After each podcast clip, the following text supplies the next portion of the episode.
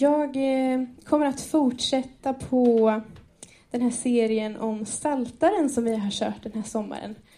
Eh, vi har haft flera olika talare som har talat på flera olika ämnen, men idag så har det blivit eh, min tur.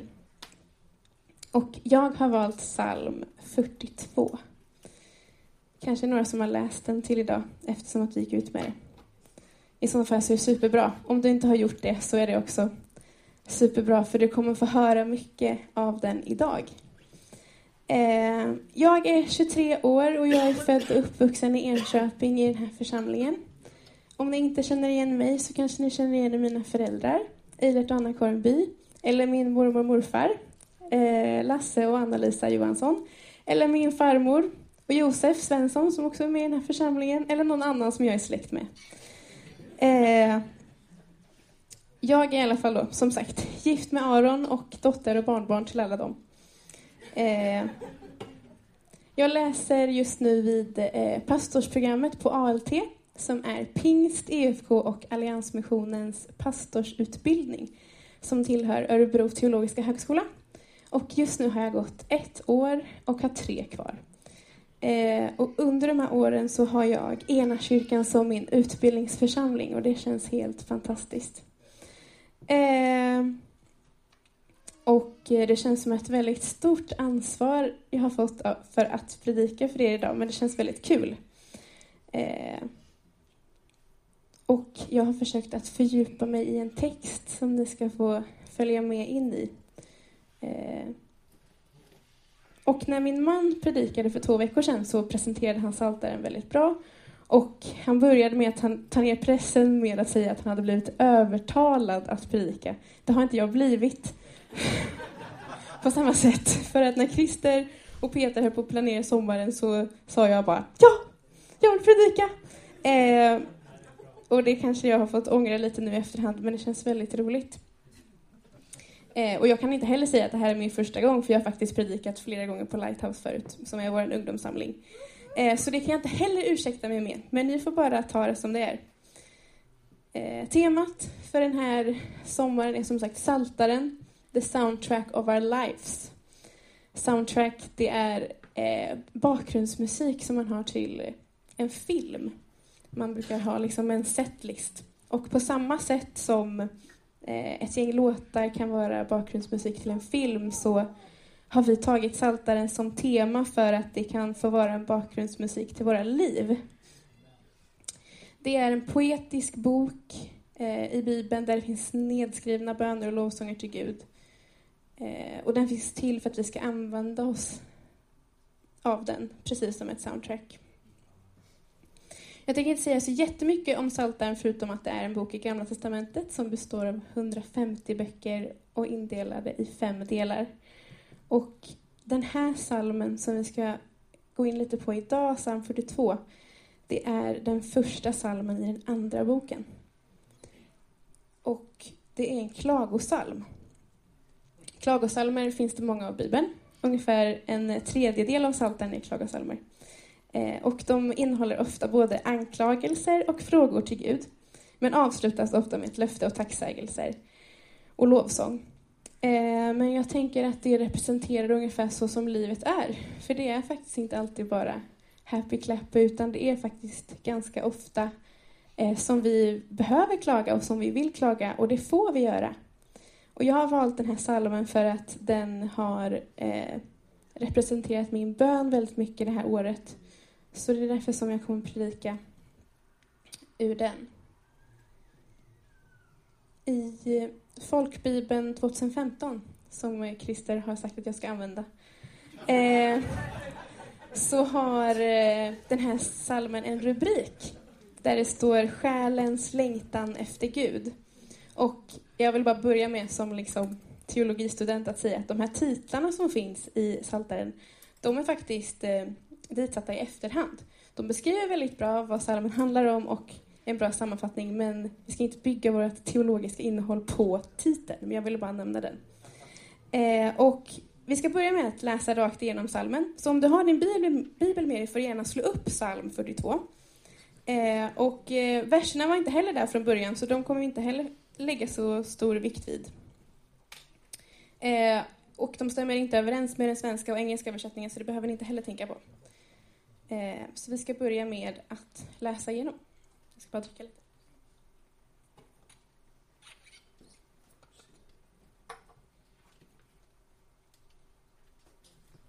Det står så här i början. För körledaren en vishetssalm av Koras söner.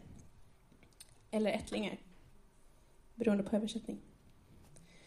Som hjorten längtar till vattenbäckar, så längtar min själ efter dig, o Gud. Min själ törstar efter Gud, efter den levande guden. När får jag komma och träda fram inför Guds ansikte? Mina tårar är min mat, dag och natt. Ständigt säger man till mig, var är din Gud? Jag utgjuter min själ och jag minns jag gick bland folken, hur jag vandrade med dem till Guds hus med jubelrop och tacksägelse i skaran av högtidsfirande. Varför så bedrövad min själ? Varför så orolig i mig? Hoppas på Gud. Jag ska åter... Vänta, jag ska bara se så jag hänger med. Nej, ni hängde inte riktigt med. Nu hänger ni med. Eh, ska vi se. Jag utgjuter min själ och jag minns hur jag gick bland folken, hur jag vandrade med dem till Guds hus med jubelrop och tacksägelse i skaran av högtidsfirande. Varför så bedrövad min själ? Varför så orolig i mig? Hoppas på Gud. Åter ska jag få tacka honom, min frälsning och min Gud. Min själ är bedrövad i mig. Därför tänker jag på dig i Jordans land och på Hermons höjder och på Missars berg. Djup ropar till djup i dånet av dina vattenfall. Alla dina svaljande böljor sköljer över mig. Om dagen sänder Herren sin nåd och om natten är hans sång hos mig. En bön till mitt livs Gud. Jag vill säga till Gud, min klippa, varför har du glömt mig? Varför måste jag gå sörjande, trängd av fiender? Det är som att man krossat mina ben när mina fiender hånar mig och ständigt frågar mig, var är din Gud? Varför så bedrövad min själ? Varför så orolig i mig? Hoppas på Gud. Jag ska åter få tacka honom, min frälsning och min Gud. Visst känner man igen sig? Visst känner man så där ibland? Varför är du så bedrövad, min själ? Sätt ditt hopp till Herren. Det ska väl inte vara så svårt, eller? Men det är ju det. Och, med, och det är inte bara vi som känner så, utan Psalmisten som skrev den här kände också så, och många med honom. Som hjorten längtar till vattenbänkar så längtar min själ efter dig, och Gud.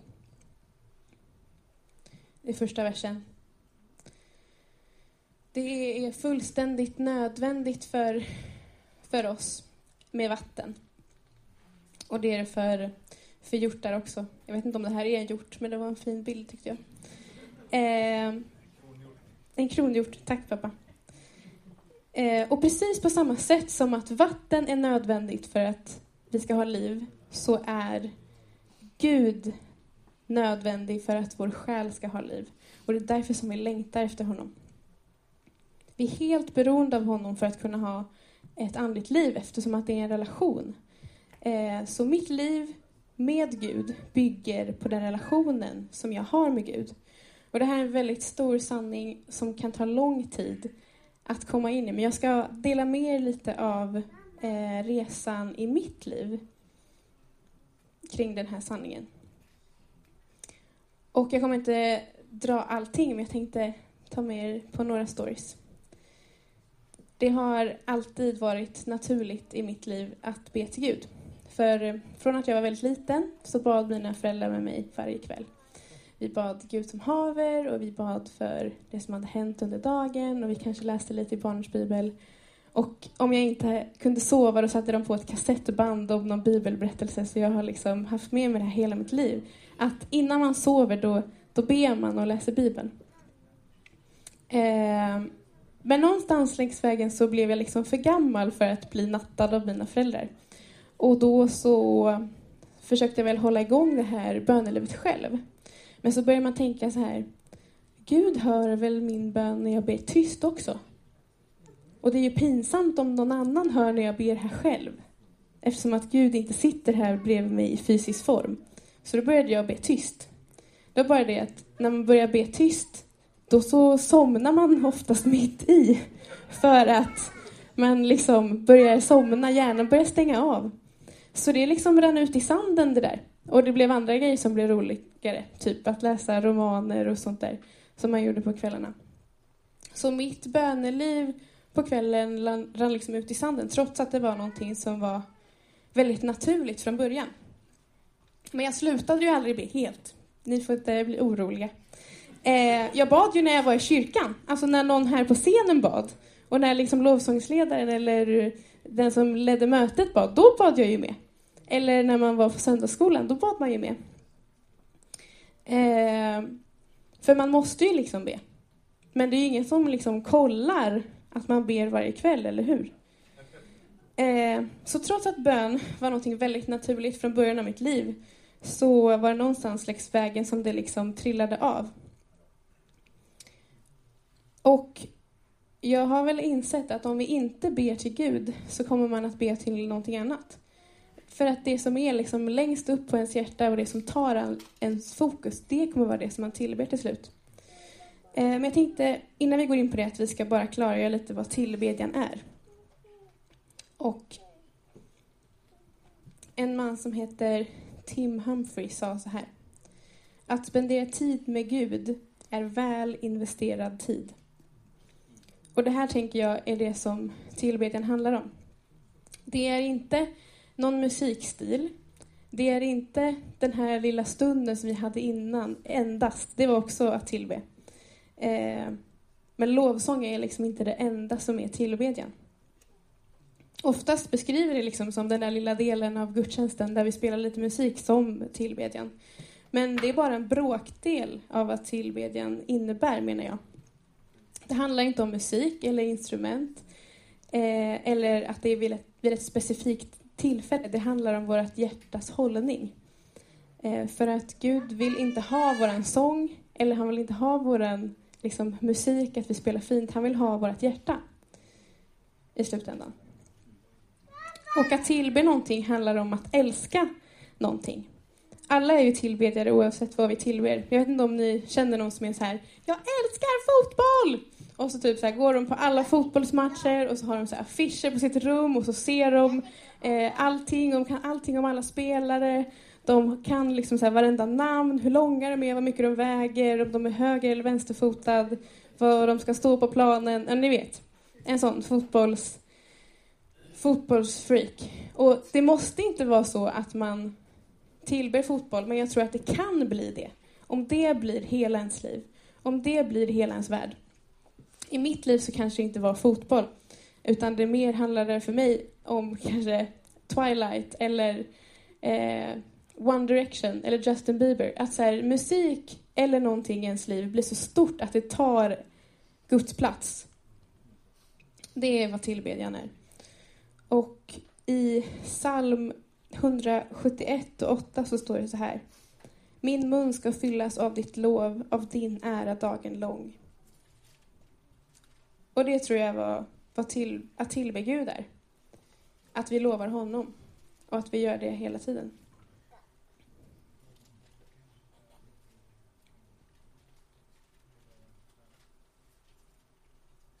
Min själ törstar efter Gud, efter den levande guden. När får jag komma och träda in framför Guds ansikte? Här har vi också liksom vad vi ska tillbe. Det är Gud som vi törstar efter. Och varför ska vi tillbe honom då? Jo, vi tillber för att han är värd våran tillbedjan. Han är värd att bli tillbedd varje sekund av varje dag och allt som är skapat till för att, för att det ska tillbe honom. Så här står det i Romarbrevet 11.36. Av honom, för honom och till honom är allting. Hans är äran i evighet. Amen. Och precis så är det. Alla vi, hela skapelsen, alla människor är till för att tillbe honom. Våra själar törstar efter att få lova honom, fast vi kanske inte alltid vet om det. Vi kommer alltid att tillbe något och det är lätt att det liksom hamnar på någonting som inte förtjänar, precis som vi pratade om innan. Eh, vi ska läsa en text ifrån Uppenbarelseboken som handlar om tillbedjan. Uppenbarelseboken 4 och 8 till 11. Där står det så här. Helig, helig, helig är Herren Gud allsmäktig. Han som var och som är och som kommer. Och när varelserna prisar och ärar och tackar honom som sitter på tronen och som lever i evigheternas evighet, då faller de 24 äldste ner inför honom som sitter på tronen och tillber honom som lever i evigheternas evighet. De lägger ner sina kronor inför tronen och säger, värdig är du, vår Gud och Herre, att ta emot lov och ära och makt för att du har skapat allt. Genom din vilja kom det till och blev skapat. Detta är vad Johannes såg eh, i sin uppenbarelse av himlen. Lovsång som aldrig tystnar.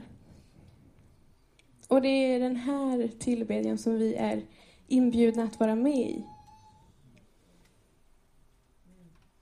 Vi får liksom vara med bland de där äldste som lägger ner sina kronor framför tronen och tillber. Jag tycker det är väldigt häftigt faktiskt. Om du är sugen på att, att liksom veta lite mer av hur tillbedjan är i himlen så rekommenderar jag er att läsa Uppenbarelseboken för den är full av sånt här. Vi borde hålla Gud så högt att vi sätter honom framför allt. Men för att kunna tillbe honom så måste vi lära känna honom. Eller i alla fall börja den livslånga resa som det är att lära känna honom, för vi kommer aldrig kunna känna honom helt och fullt. Men Bibeln är full av information om Gud och Saltaren, den som vi håller på att bena ut, den är full av information och liksom genomsyras av sanningar om honom, hans karaktär och hans vägar. Det finns olika sätt att tillbe Gud, men det kommer vi komma till lite senare. Mina tårar är min mat dag och natt, ständigt säger man till mig. Var är din Gud? Eh, när jag var 18 år, då, hade jag, då kände jag att jag hade blivit vuxen. Jag hade varit på massor med läger, jag hade gått ut gymnasiet, jag hade liksom Peter som ungdomsledare.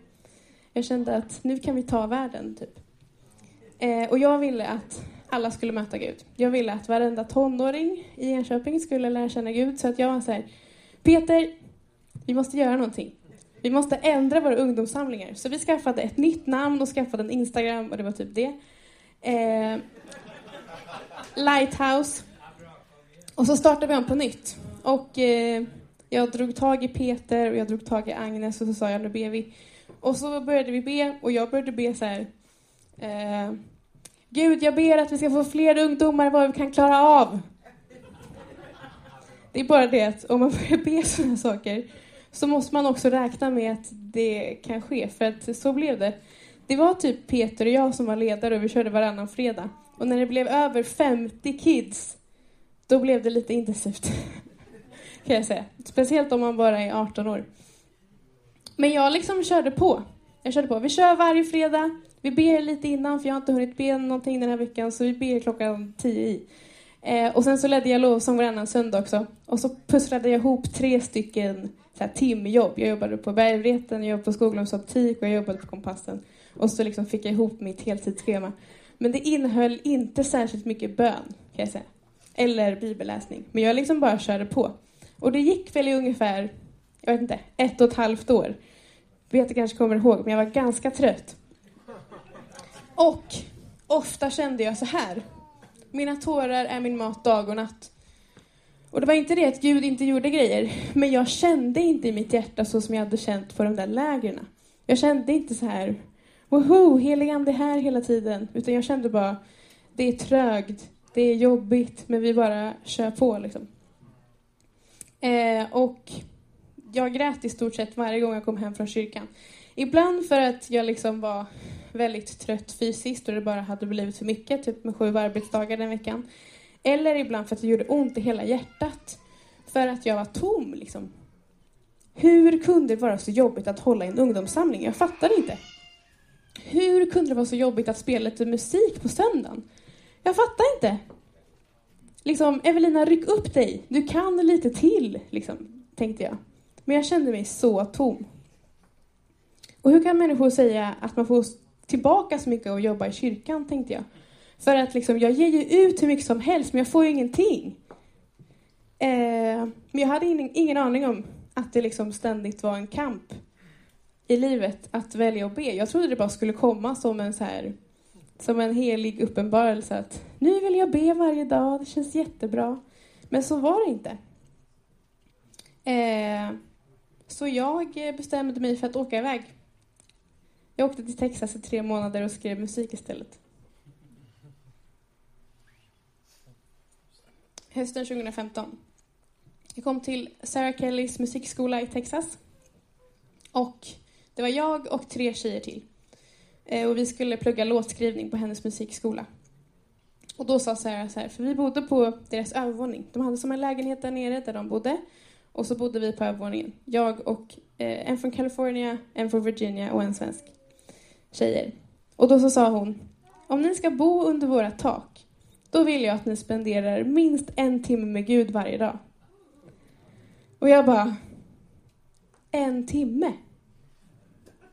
bara jag, så här, inte några andra. Vi ju inte lovsjunga ihop. Alltså det hade ju varit fint om vi hade gjort det lite ihop. Men bara jag. Alltså, går det att vara så länge bara med Gud, tänkte jag. Såklart visste jag att det är bra att läsa Bibeln och så. Men eh, man behöver inte läsa mer än en vers. Eller hur? var det? Ja, så kände jag i alla fall. Men eh, eftersom att hon hade sagt så, så kände jag att men då får jag väl göra så. Så jag eh, försökte skaffa mig en morgonrutin. Och här startade vandringen i mitt dagliga andaktsliv. Jag utgjuter min själ och minns hur jag gick bland folken. Hur jag vandrade med dem till Guds hus med jubelrop och tacksägelse i skörden av högtidsfirande. Och det handlar ju inte om att det ligger någonting magiskt i att läsa Bibeln. Eh, eller att det finns några vissa ord som man ska be för att det ska bli en bra morgonrutin, jag vet inte. Utan det handlar ju om hjärtat. Det handlar ju om att vända hjärtat till Gud och det, det var det som jag fick börja göra här. Så jag tänkte, ja men jag, jag läser väl en psalm om dagen. och det är en väldigt bra början, kan jag rekommendera om. För att Psaltaren är ju som sagt skrivna böner och lovsånger. Så om man inte själv vet vad man ska be så är det väldigt bra att börja där.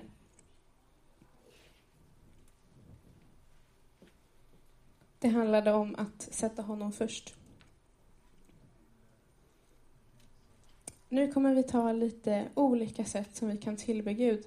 Och ett av de sätten som jag redan visste, det var att tillbe genom musik. Så här sa Chris Tomlin en gång som är en lovsångsledare från England. Lovsång är där Gud inte är berörd av kvaliteten på vår sång, utan av våra hjärtas inställning och tillstånd. Alltså det handlar inte om vad vi sjunger eller hur det låter eller hur det ser ut, utan det handlar om våra hjärtan. Och att tillbe Gud med musik kan vara väldigt enkelt, för att det finns redan en skriven text och melodi och det är det som vi ofta gör här på söndagar. Att vi, vi har texten i det här häftet eller på skärmen och vi har redan en skriven melodi och så lovsjunger vi till det tillsammans. Men det är inte själva sången som, som spelar roll. Utan det är tillbedjan som vi stämmer in i. Och jag brukar tänka på det som att det är som en, att vi har en helig inbokad tid med Gud. Där vi har tid att utgjuta våra hjärtan i både liksom utsvängda uttryck och eller i reserverad stillhet. Det är att sjunga för full hals eller att bara vara tyst. Det är att bli stilla och veta att han är Gud och att finna, fira med segerbaner. Jag är en sån person som gillar att fira när vi lovsjunger. Jag vet inte om ni ser mig, men jag står ofta så här. Och det är för att när jag står så här med min kropp, då vet jag att mitt hjärta kommer följa efter någonstans längs vägen om jag står så här med upplyfta händer så vet mitt huvud liksom att min själ och mitt hjärta kommer att, att följa med så, smen, så småningom. Och ibland så är det bara en tillbedjan att, att sucka vid, vid frukostbordet och sjunga tack Jesus. Liksom. Och det spelar ingen roll vad det är för sorts musik. Det spelar ingen roll ens vem som har skrivit den. Om det är någon känd eller om det är du. Det spelar ingen roll. För tillbedjan handlar om hjärtat. Det spelar ingen roll om det är, om det är psalmboken eller segertoner eller andliga sånger, eller vad det vi kallar dem. Eller om det är den liksom, senaste worship track, hitsen, som kommer ut. Utan det handlar bara om hjärtats inställning.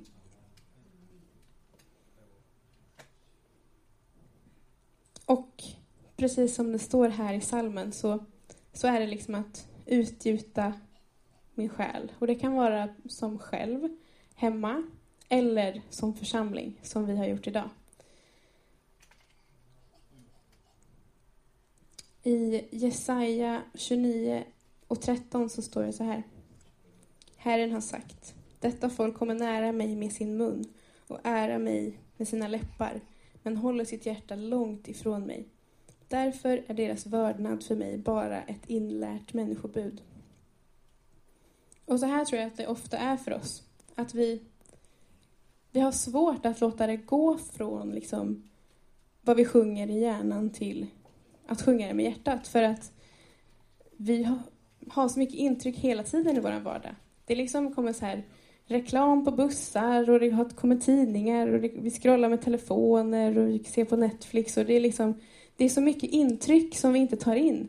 Och precis som Lotta sa i inledningen liksom, att vi kan ju inte ta in allt vi ser på TV. Liksom. Om vi tar in varenda olycka, varenda grej, då kommer vi må jättedåligt. Och det tror jag inte vi ska göra heller. Men just i lovsången, där, där ska du få gå till hjärtat. För lovsången är inte till för oss. Och om vi undrar liksom vad vi får ut av att tillbe, då missar vi poängen lite. Eh, för att perfekta ord eller fraseringar, liksom, det faller pladask. Det faller pladask till skillnad mot liksom, hjärtats lovsång. Och speciellt de där dagarna när vi, vi knappt orkar ta oss ur sängen. Liksom. Det är då som Gud vill ha vår sång. Eller våra hjärtan. Så här står det i Johannes evangeliet 4 och 23. Men det kommer en tid, och den är redan här, när sanna tillbedjare ska tillbe Fadern i ande och sanning. Sådana tillbedjare vill Fadern ha. Visst är det coolt, va? Vi får tillbe honom i ande och sanning. Och det är det som han vill ha. Och varje person, varje person som sitter här inne, du behöver hitta din egen röst och din egen tillbedjan i din relation med Gud. Det kommer förmodligen inte att se likadant ut som mig. Det är inte alla som står så här. Och det kommer förmodligen inte se likadant ut som kanske någon annan här inne för att du har en personlig relation med Gud. Och eh, när människor tillber i Bibeln så, så står det ofta att de gör någonting fysiskt med sin kropp. Att de, att de böjer sina knän inför tronen som vi läste innan. Eller att de lyfter sina händer i ett viftoffer. Liksom. Det är inte så ofta vi gör det. Eller att de liksom, de gör ofta någonting. En gång tror jag det står att Salm satte sig ner och bad till Gud. Typ. Och så, såklart att man kan sitta ner, men bara så för att få lite perspektiv. Jag i alla fall behöver göra någonting fysiskt med min kropp för att min själ och mitt hjärta ska hänga med. Men du behöver hitta vad som funkar för just dig.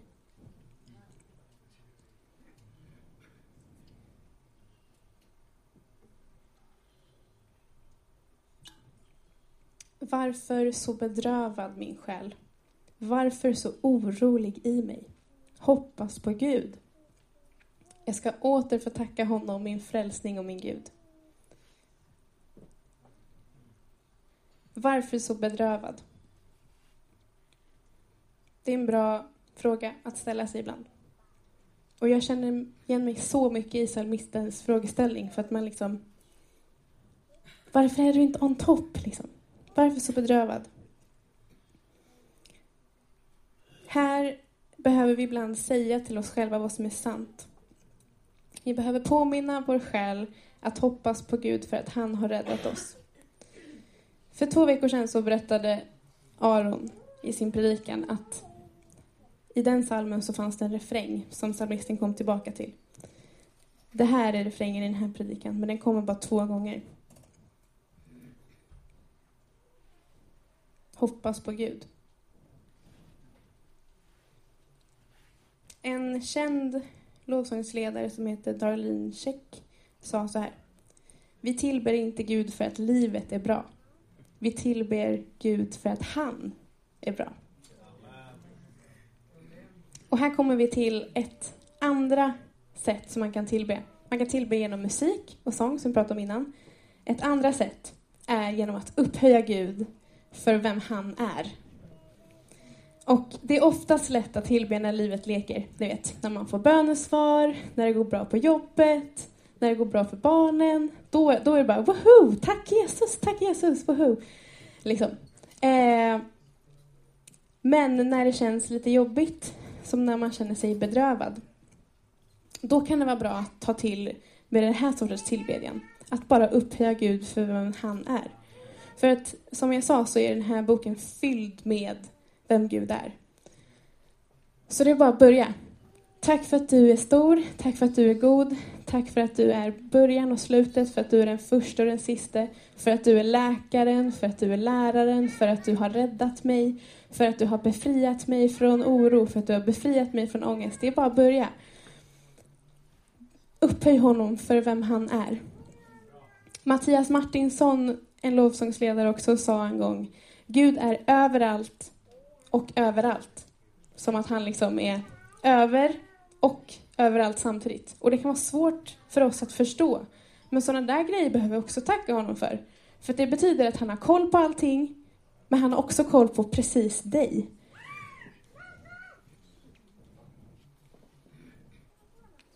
Och så här står det i Matteus 19 och 26. För människor är det omöjligt, men för Gud är det möjligt. Så våga ta tid att bara upphöja honom. För att för honom är det möjligt, även om det inte är det för människor.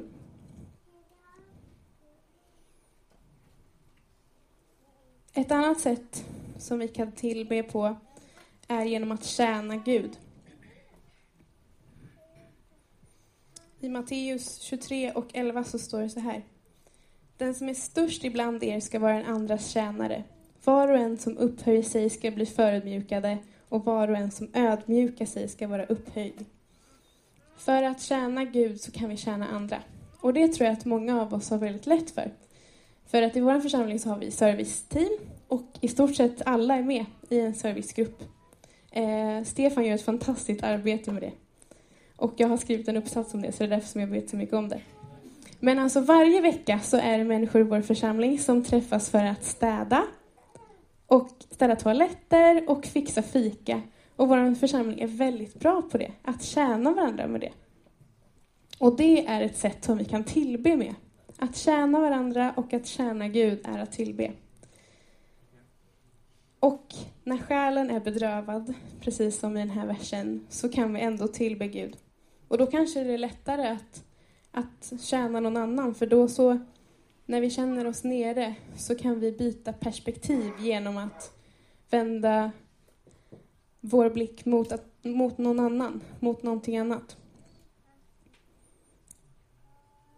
För, för Gud behöver ju egentligen ingenting från oss, utan han vill saker för oss. Han, är, han har liksom kallat oss till att tjäna andra människor och göra det till en del av vår tillbedjan. Och det finns inte en enda människa som du möter som Gud inte älskar. Visst är det coolt? Det finns inte en enda människa som du möter som Gud inte älskar. Så oavsett vem, om det är att du tar en kaffe med din granne och uppmuntrar lite, då är det att tjäna Gud. Eller om du liksom uppmuntrar din chef på jobbet så är det att tjäna Gud. Eller om du hämtar dina barn från, från skolan så kan det vara att tjäna Gud. Så låt det bli det. I första Korinthierbrevet 15 och 58 så står det så här. Stå därför fast och orubbliga. mina älskade bröder, och arbeta alltid hängivet för Herren. Ni vet ju att er möda i Herren inte är förgäves. Även om det känns, nu har jag skrivit som skit ibland, jag hoppas att det är okej att jag säger det Christer. Eh, även om det känns som skit ibland så är det liksom inte förgäves. Våra känslor är inte alltid sannhetsenliga, utan de kan lura oss en hel del. Så igen, det handlar inte om våra handlingar, det handlar om vårt hjärta. Är ni med mig? I Hebreerbrevet 13, 15-16 så står det så här. Låt oss därför ständigt genom honom frambära lovets offer till Gud, en frukt från läppar som prisar hans namn. Och glöm inte att göra gott och dela med er, för sådana offer behagar Gud. Nice, va? Målet är att tjäna Gud och ge honom ära, liksom, med vad vi gör. Så där har vi nummer tre, va? Att tillbe genom att tjäna. Tjäna Gud och tjäna andra. Djup ropar till djup i dånet av dina vattenfall. Alla dina svaljande böljor sköljer över mig. I Ordspråkboken 3, 56 så står det så här. Förtrösta på Herren av hela ditt hjärta. Förlita dig inte på ditt förstånd. Förlita dig inte på ditt förstånd. Räkna med honom alla dina vägar, så kan han jämna dina stigar. Vi kan tillbe Gud genom att lita på honom, inte lita på vårt förstånd. Oftast så säger våra känslor så här bara, åh, men det är jobbigt. Precis som vi har, vi har läst här i salven. Och vad sa salvisten då? Jo, sätt ditt hopp till Gud. För att vi förlitar oss på saker varje dag. Vi förlitar oss på att vår bil ska funka. Vi förlitar oss på att vår mjölk inte ska vara dålig så vi inte blir magförgiftade. Vi förlitar oss på liksom att människor... Vi litar på människor. Vi litar på liksom att inte vår stat eller samhälle här bara ska bli korrupt och liksom vända sig emot oss. Vi förlitar oss på massor med grejer som är lätt liksom, att förlita sig på kanske. Men Gud vill att vi ska lita på honom. Och istället för att själva tänka ut vad som är bäst, lita på att han har koll. För han känner dig. Han känner ditt djup. För hans rop djupar till ditt, ropar till ditt djup. Även när du inte ens märker det. Han känner dig. Även när du inte är medveten. När du väljer att lita helt och fullt på honom så bjuder han in dig till en djup andlig tillväxt. Tänk vad fridfullt våra liv skulle vara om vi vågade lita fullt ut på Gud. I tillbedjan så sjunger vi ofta så här, eller jag och jag brukar sjunga det. Du är välkommen här. Liksom, som att Gud inte redan var här, som vi pratade om innan. Och det betyder inte att han inte alltid är närvarande. Det betyder liksom att vi vänder vårt fokus till honom. Vänder våra hjärtan till honom. Vi tillåter honom att liksom skölja över oss med alla sina svaljande böljor som sköljer över oss. Vi, vi tillåter honom att göra det. Och vi sätter vårt hopp till att, till att han klarar det, liksom, där vi inte har rum att göra det. I Hebreerbrevet 11 så står det så här. Utan tro är det omöjligt att behaga Gud. För den som kommer till Gud måste tro att han finns och att han lönar den som söker honom. För tro och att lita på, det hör ihop. Det går hand i hand. Det är svårt att lita på någon som vi inte känner.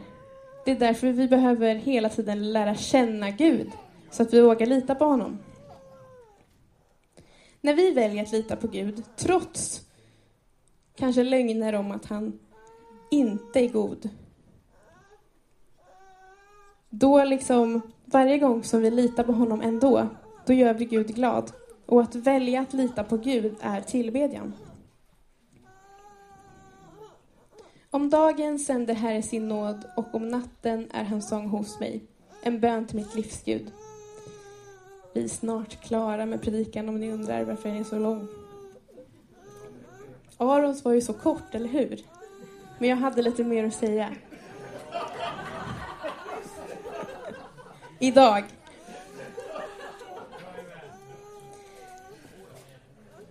Vi kan tillbe Gud. Det här är den sista. Jag har fem sätt att tillbe Gud. Vi kan tillbe Gud genom att ge upp. Det känns ju både lätt och svårt. Aha, att, att ge upp, det var liksom att tillbe. På engelska så finns det ett ord som är surrender. Och det är ju liksom så här, så här I surrender, jag ger upp, upp med händerna. Den grejen. Det handlar om att lägga ifrån sig allt och säga Gud, jag är din. Ta allt. Jag ger upp. Jag lämnar allt. Det är tillbedjan. Och då kanske vi tänker så här, varför kan vi inte bara ge 70 procent eller 50 procent? Jo, för att som efterföljare så är det meningen att vi ska göra hans vilja och inte vår. Det är därför som vi ber Fader vår, låt din vilja ske, inte min. Återigen, han behöver inte våran tillbedjan, men han vill ha den. Han vill ha din sång, eller framför allt vill han ha ditt hjärta. Det handlar inte om en handling, utan om hjärtat. Så våga ge upp ibland. Jag vill säga till Gud, min klippa, varför har du glömt mig? Varför måste jag gå sörjande, trängd av fiender? Som ständigt frågar mig, var är din Gud? Nej, filvers. Varför måste jag gå sörjande, trängd av fiender? Ett sätt att tillbe som vi ser om och om i, i den här salmen, det är att klaga. Klaga på Gud. Klaga på allt. Klaga på allting som är jobbigt. Klaga på allting som inte blev som det skulle. Klaga på allting som du vill. Bara ignorera honom inte. Utan klaga. Han klarar det, jag lovar. Det här låter lite som så här äktenskapsrådgivning, men det är, det, det är lite samma grej, för det är en relation. Klaga på. Ge honom allt det där.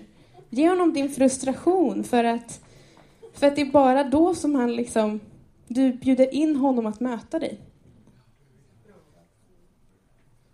Han vill vara med dig oavsett vad du tänker eller känner om honom. Speciellt när du tvivlar. Rikta det mot Gud. Nu då? Det är som att man krossar mina ben när mina fiender hånar mig och ständigt frågar mig, var är din Gud? Vilka är dina fiender? Kanske du tänker. Jag har väl ingen som vill, vill mig illa, kanske du tänker. Men då, då tänker jag, vad är det som gör att du inte tar den där stunden med Gud? Vad är det som gör att din andakt själv med honom inte blir, blir till? Efter att jag började tänka på min andliga eh, liksom, andakt, dagliga andakt i Texas så har det gått upp och ner kan jag säga. Det var inte som att jag bara, ja nu har Sarah Kelly sagt att jag ska ha andakt så nu har jag det varje dag och så kan jag säga det har gått frid och fröjd sen dess. Nej. Den där, den där timmen, den var jättelång i början. Och det var som att liksom så här, ut och springa en mil utan att ha tränat. Det, det är jobbigt. Men liksom, man tar en liten stund först och så kanske man vilar lite, lyssnar på lite musik och så springer man lite till. Och så vilar man lite och så springer man lite till. Så är, är det med Gud.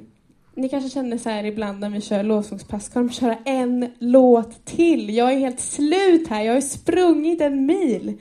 Men det är för att, för att tillbe är, det, det är som en kondition som man liksom behöver jobba upp. Och eh, där hösten 2015 så satt jag på heltäckningsmattan på golvet i Texas och så bestämde jag, nu ska jag läsa hela Bibeln. Fromt va? Och så tänkte jag, det här kommer gå på ett år. Och så gjorde jag en liten bibelläsningsplan där jag kunde så checka av. Nu har jag läst Hesekiel, nu har jag läst Domarboken, typ Matteus.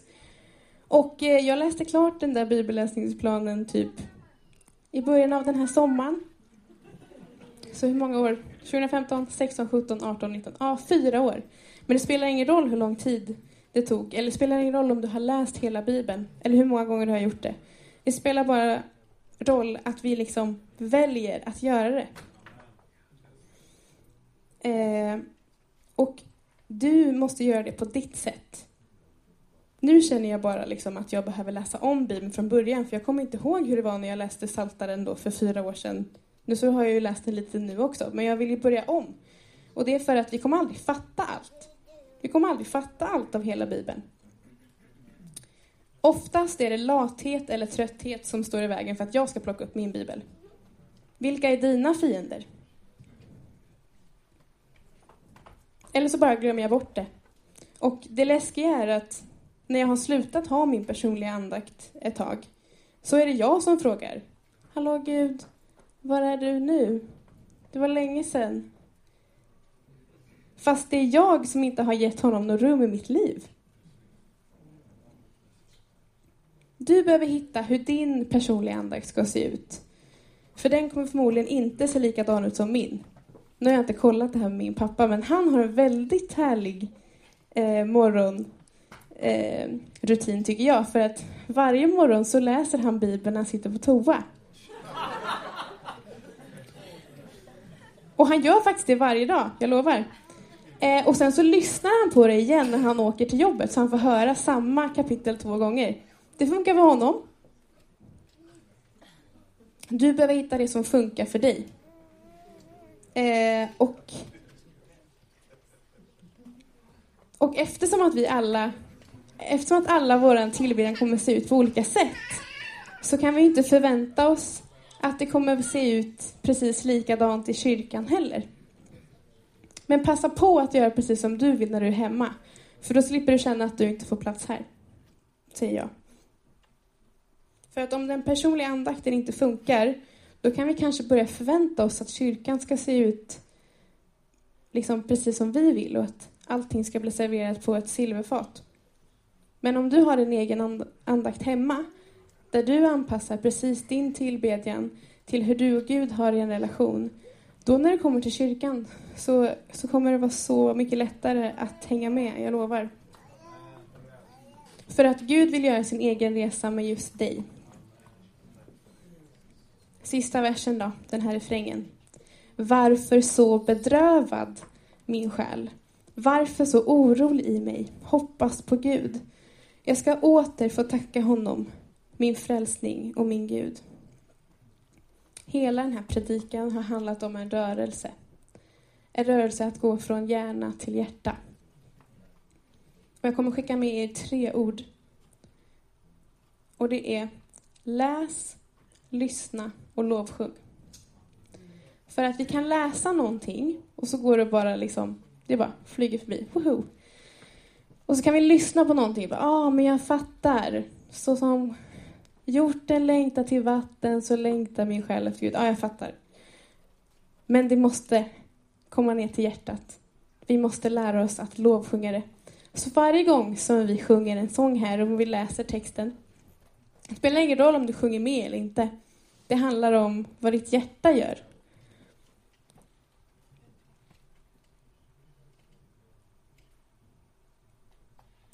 Så vi kan liksom se vad det står och vi kan lyssna på det och låta det sjunka in.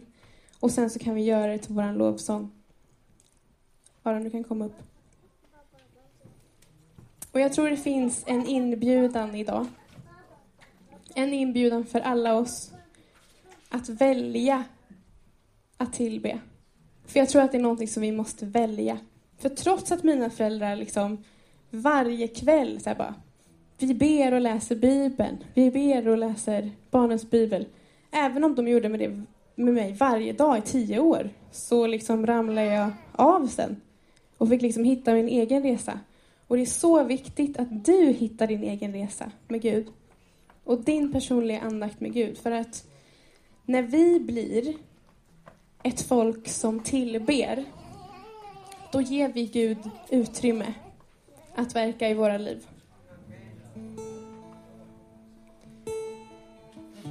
Så inbjudan idag, det är att det ska få gå från vårt huvud till vårt hjärta. Och det handlar inte om vad vi gör, utan det handlar om vårt hjärtas hållning. Så vi kommer ta en stund i, i tillbedjan. Där vi liksom bara försöker lägga ifrån oss alla intryck. försöker lägga ifrån oss all press och all prestation. För som sagt, det spelar ingen roll hur det ser ut. Det spelar ingen roll hur lång tid vi ligger. Det som spelar roll är våra hjärtan. Så vi, jag tycker vi sluter våra ögon och bara vänder våra hjärtan mot Gud. Vi kan ställa oss upp tillsammans.